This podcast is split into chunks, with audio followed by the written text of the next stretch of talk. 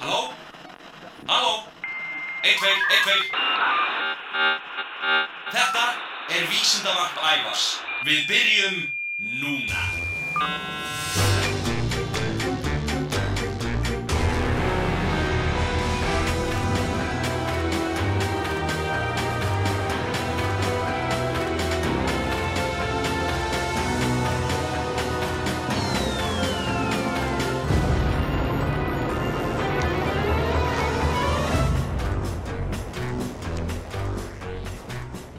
Komið sæl og verið velkomin í Vísindavarp Ævars. Ég heiti Ævar. Í þættinum í dag ætlum við að líta til heimins og skoða stjörnurnar.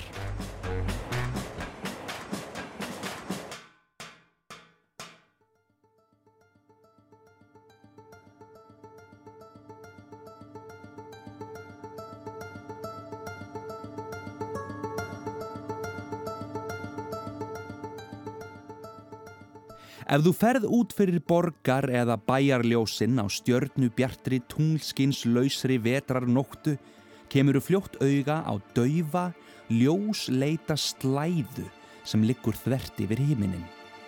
Þetta er vetrarbrautin okkar og allar stjörnurnar á himninum tilheyra henni. Fyrr á tímum höfðu menn engar skýringar á slæðunni. Víkingarnir forfeður okkar, sá hana fyrir sér sem veginn sem hinn er látnu gengu á til Valhallar. Í huga Inga í Suður Ameríku var slæðan fljót sem veðurguðin Apu í Japu veitti vatni á til að undirbúa regn.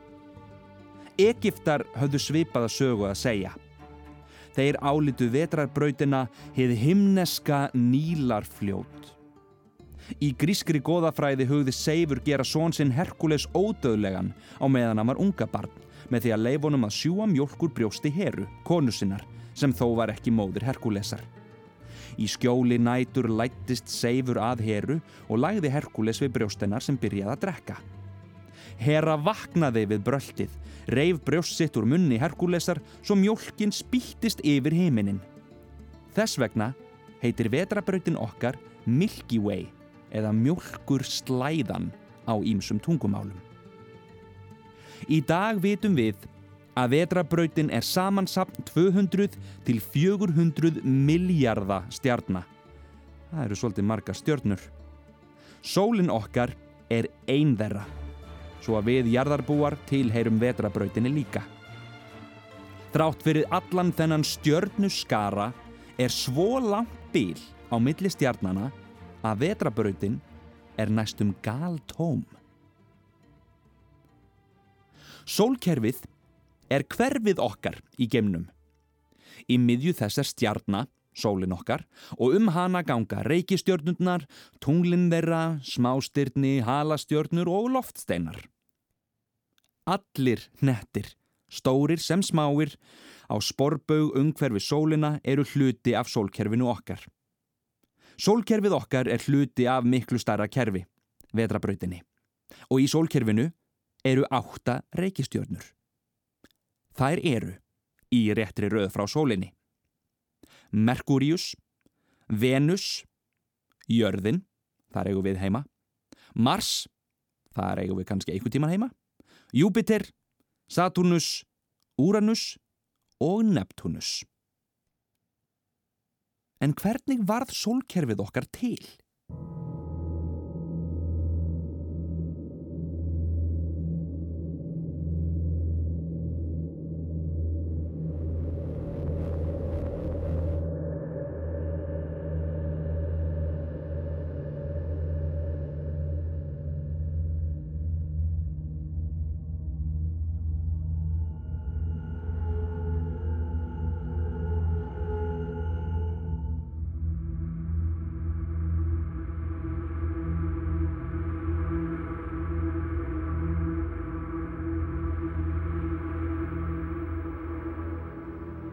Fyrir um það bil 4600 miljón árum var sólin ekki til. Ekki jörðin heldur. Bara risavaksið skí úr gasi og riki sem við köllum geimþóku. Skíið var aðalega úr vettni og heliumi, tveimur algöngustu efnunum í alheiminum. Það varð til þegar eldri stjörnur sprungu og drifðu innviðum sínum um geimin. Innviðir þessara sprungnu stjarnar var ráefnið í sólina, reykistjörnunar og lífið sjálft. Fyrir einhvern utan að komandi kraft, til dæmis höggbylgju frá stjörnu sem sprakk, byrjaði geimþókan að falla saman og þjættast. Gas og rík fjall í átta miðjunni þar sem efnið var þjættast og þingdarkrafturinn mestur. Við það byrjaði skýið að snúast í kringum miðjuna. Þá flattist það út og varð eins og skífa eða pönnukaka í læginu. Miðjan dró til sín sífælt meira efni. Hún ógs og ógs og á sama tíma byrjuðu smarri efnisklumpar að myndast umhverfis miðjuna. Þessir klumpar urðu að lokum reykistjörnur, tungl, smástyrni og halastjörnur. Klumparnir hittnuðu mjög þegar þeir söpnuðu til sín sífælt meira efni. Því meira efni sem þeir söpnuðu, því starri og heitari urðu þeir. Jörðin er til dæmis enn mjög heitað innan eftir þetta allt saman. Hitin í jörðinni er sem sagt afgangshiti frá því að jörðin varð til. Það er ótrúlegt. Að lokum varð svo mikill hiti og þrýstingur í miðju skísins að það byrjaði að breyta vettni í heljumi og það kviknaði á sólinni. Nýfætt sólin var heit og gaf frá sér mikið ljós og sterka vinda sem blésu gasi og reiki burt. Þess vegna gáttu reikistjörnunar sem eru næst sólinni, eins og jörðin, ekki vaksi meira, en utar urðu reikistjörnunar miklu stærri og úr gasi. En býðu nú aðeins við. Hversu stórt er eiginlega þetta sólkerf okkar, hverfið okkar? Svarið er einfalt. Sólkerfið er risavaksið.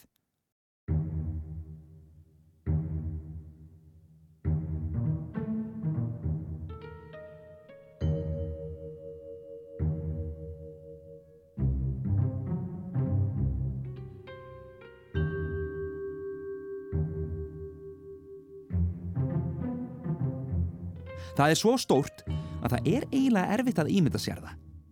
Fjarlæðir millir reykistjarnana eru svo miklar að geimfur eru marga mánuði, jafnvel ár að ferðast á millið þeirra. Ef við smækkuðum sólkerfið þannig að sólinn væri á starfið fótbolta, hversu stór væri þá jörðin og hvað væri hún langt í burtu? En Júpiter eða Plútó? Sólinn okkar er næstum 110 sinnum stærri að þvermáli en jörðin. Sem sagt, ef sólinn væri á starfið fótbolta, væri jörðin á starfið popböyn. Og ekki nómið það, popböyn í um það byrj 20 og 30 metra fjarlægð. Ef þú átt fótbolta og popböyn þá getur þú prófað þetta núna. Eh, Kanski ekki núna. Haldt áfram að, hlusta þáttinn, kláraði hann og, og svo skaltu gera þessa tilurinn. Í þessu líkanni, ef við höldum áfram að spá og spekulera, þá væri Júpiter á starfið jarðarbyr í 115 metra fjarlægð. Saturnus væri eins og hindber í næstum 220 metra fjarlægð frá fótboltanum og uh, greiði litli Pluto sem tæknilega séði er ekki ennþá plánenda en en að sjálfsögðu partur af sólkerfin okkar þá væri hann á stærð við títuprjónshaus í 920 metra fjarlægð frá fótboltanum. Takk fyrir kærlega. Fjarlægasta fyrirbærið sem við þekkjum í sólkerfinu, Setna, væri einnig títuprjónshaus eins og Plútó nema í um 20 kílometra fjarlæð frá fótboltanum. Sólkerfið er augljóslega risavaksið.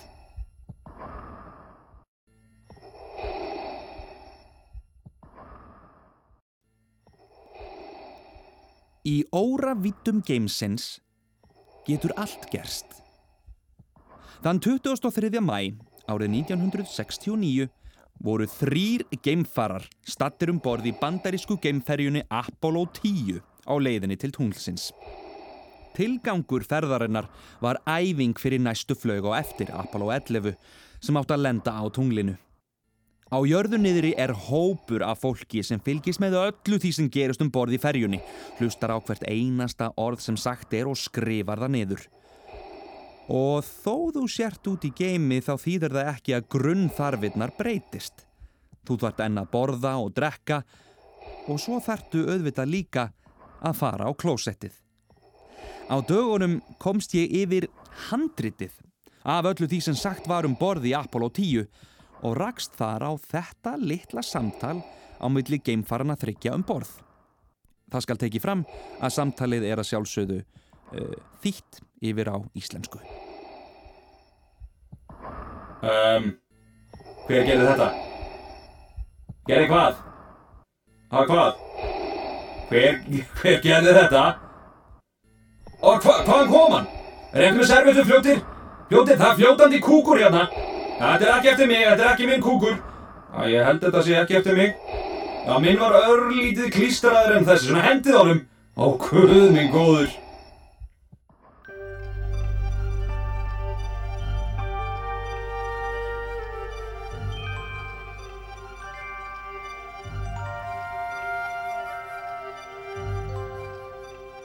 Engver gekk ekki nógu vel frá eftir sig á klósettinu og óbóðinni gesturinn flöyti í hægðum sínum um geimferjuna þánga til geimfararnir náðunum. Engin vildi kannast við það að hafa alið þennan ágæta gest sem mér finnst svolítið fyndið þegar þið eru bara þrýrum borð og á leiðinni til tunglsins. En hvernig fara geimfarar eiginlega á klósettið? Þegar þeir eru út í geimið þar að segja. Mikilvægt er að fylsta hreinlætis sé gætt um borð því að komið hefur í ljós að vissar bakteríutegundir fjölga sér óvenju hratt í þingdarleysinu. Því er allur úrgangur, óhrein fött og áhöld, innsikluð í plastpoka og skuttlan þrefin hátt og látt reglulega á meðan flugi stendur. Eitt klósett er í geimskuttlunni sem notar blástur til að leiða úrgangin í gegnum kerfið. Úrgangsvatni er dælt út í geimin en annað er innsiklað í plastpoka og fjarlægt eftir heimkomu. Loftið sem fer í gegnum kerfið er hreinsað og því svo dælt aftur inn í farþegarímið. Geimfarar hafa komið hingað til lands, hingað til Íslands. Landsvæðið í kringum Mývatn er svo magnað að árið 1969 voru geimfararnir sem stegu manna fyrstir á tunglið sendir þangað til að æfa sig.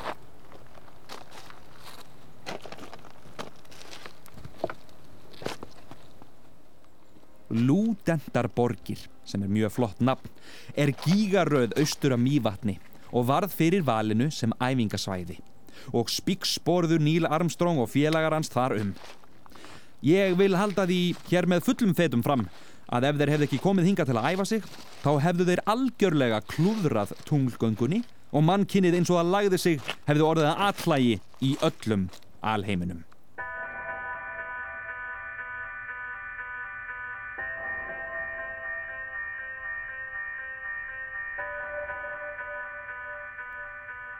Ég hef sagt ykkur frá því hvernig stjörnur verða til en hvað gerist þegar stjarnar deyr? Ekkert er eilíft, ekki einu sinni stjörnurnar.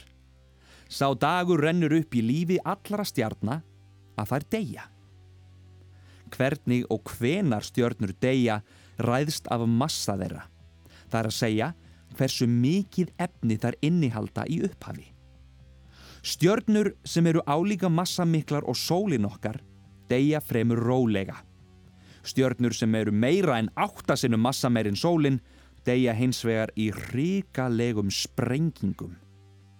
Úr leifum döðra stjarnar spretta nýja stjörnur, reykistjörnur og jafnvel nýtt líf. Allar stjörnur sem eru álíka stórar og sólin okkar munu þennjast út þegar þar eldast og eldsneitið fer þverrandi. Þegar stjörnurnar vaksa, kólna þær og verða rauðari. Þar breytast í rauða risa. Rauðir risar geta orðið nokkur hundruð sinnum breyðar en sólin okkar er í dag. Þeir verða svo stórir að þeir eiga í stökustu vandraðum með að halda í istu efnislög sín. Þegar eldsneitið er búið, fíkur efnið út í geimin og myndar einstaklega fallegt fyrirbæri. Ringþóku. Í miðju ringþókunar er heitur kjarnin úr stjörnunni. Hann byrjar smám saman að falla inn í sjálfan sig. Þjættast. Allt efnið í kjarnanum verður svo saman þjappað að lítil en mjög þung stjarnar verður til sem við köllum kvítan dverg. Kvítur dvergur er dauð stjarnar með svipað efnismagn og sólinn en er aðeins á stærð við jörðina. Ringþokan sveipar hvítadvergin litríkum hjúpi. Þessir gashjúpar er á mörgum stærðum og gerðum. Sumir þeirra líta út eins og augu og önnur minna á fyririldi. En svo áður sagði varpa rauðir reysar miklu efni út í geimin sem verður að nýjum stjörnum, reykistjörnum og jafnveg lífverum. En býðum aðeins við, lífverum. Þetta þýðir að í líkama þínum, nákvæmlega núna, eru öruglega leifar af rauðum risum. Þingstu og stæstu stjörnurnar lifa skemst. Þar skína líka skærast og brenna eldsneiti sínu miklu hraðar en litlar og meðalstórar sólir. En þegar þar deyja, deyja þar í mestu hamförum sem þekkjast í alheiminum frá mikla kvelli. Ef stjarnar er meirinn áttasinu massa meirinn sólinn, lifir hún í innan við þúsund miljón ár og verður sprengistjarnar. Til samanburðar þá lifir sólinn í meira en tíu þúsund miljón ár og á örgla heilan haug af eh, ammali skjöfum einhver starfinn í skápa. Á nokkurum miljónum ára klárast vettnið sem er algengasta frumefnið í alheiminum í kjarnastjörnunar. Og til að draga fram lífið byrjar stjarnan að framleiða orku úr öðrum efnum. Fyrst heliumi, svo súrefni, þá kólefni. Rísastjarnar heldur áfram þegar hér er komið við sögu. Hún knýr fram orku neoni, kísli, brennisteini, argoni, kalsjumi, títani, krómi, uns röðin er komin að járni. Og járn losar ekki orku svo auðveldlega. Þá er stjarnan komin á endastöð. Afleðingarnar eru hrikalegar. Stjarnan springur. Efni þýst út í geimin í stórfengleiri ægi bjartri sprengingu. Við sprenginguna verða öll frumefni sem við þekkjum í náttúrunni til. Sprengingin dreifir þeim um vetrabrautina. Úr öskustóni, inniblum stjörnurnar, verða síðar til nýjar stjörnur, ný sólkerfi og hugsanlega nýtt líf. Járnið í blóðin okkar, kalkið í beinunum, gullið í skartgripunum, kísillin í bláa lóninu og tölfunum okkar og brennisteinnin í flugeldunum á gamláskvöld Öll þessi efni og fleiri til eru komin frá stjörnum sem sprungu í tællur fyrir mörgum miljörðum ára. Þú ert lifandi leifar stjarnar sem dóu. Þú ert stjörnurík.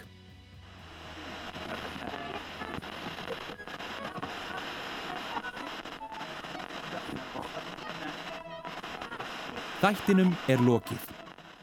Ég vil benda ykkur á hérna frábæru heimasíðu geimurinn.is þið viljið vita meir um stjörnur, sólkerfi og allt sem þeim tengist. Ég vil þakka Sævari Helga Braga sinni fyrir hjálpina við gerð þessa þáttar og sömuleiðis Vísendavef Háskóla Íslands, vísendavefur.is. Að lokum vil ég benda ykkur á heimasíðu þáttarins, rúf.is, skástrygg, ævar. Þar getið þið hlustað aftur á þáttin í gegnum netið og meira segja hlaðið honum niður svo þið getur hlustað á hann hvar sem er. Meira segja, út í geimnum. Ævar vísindamadur, yfir og út.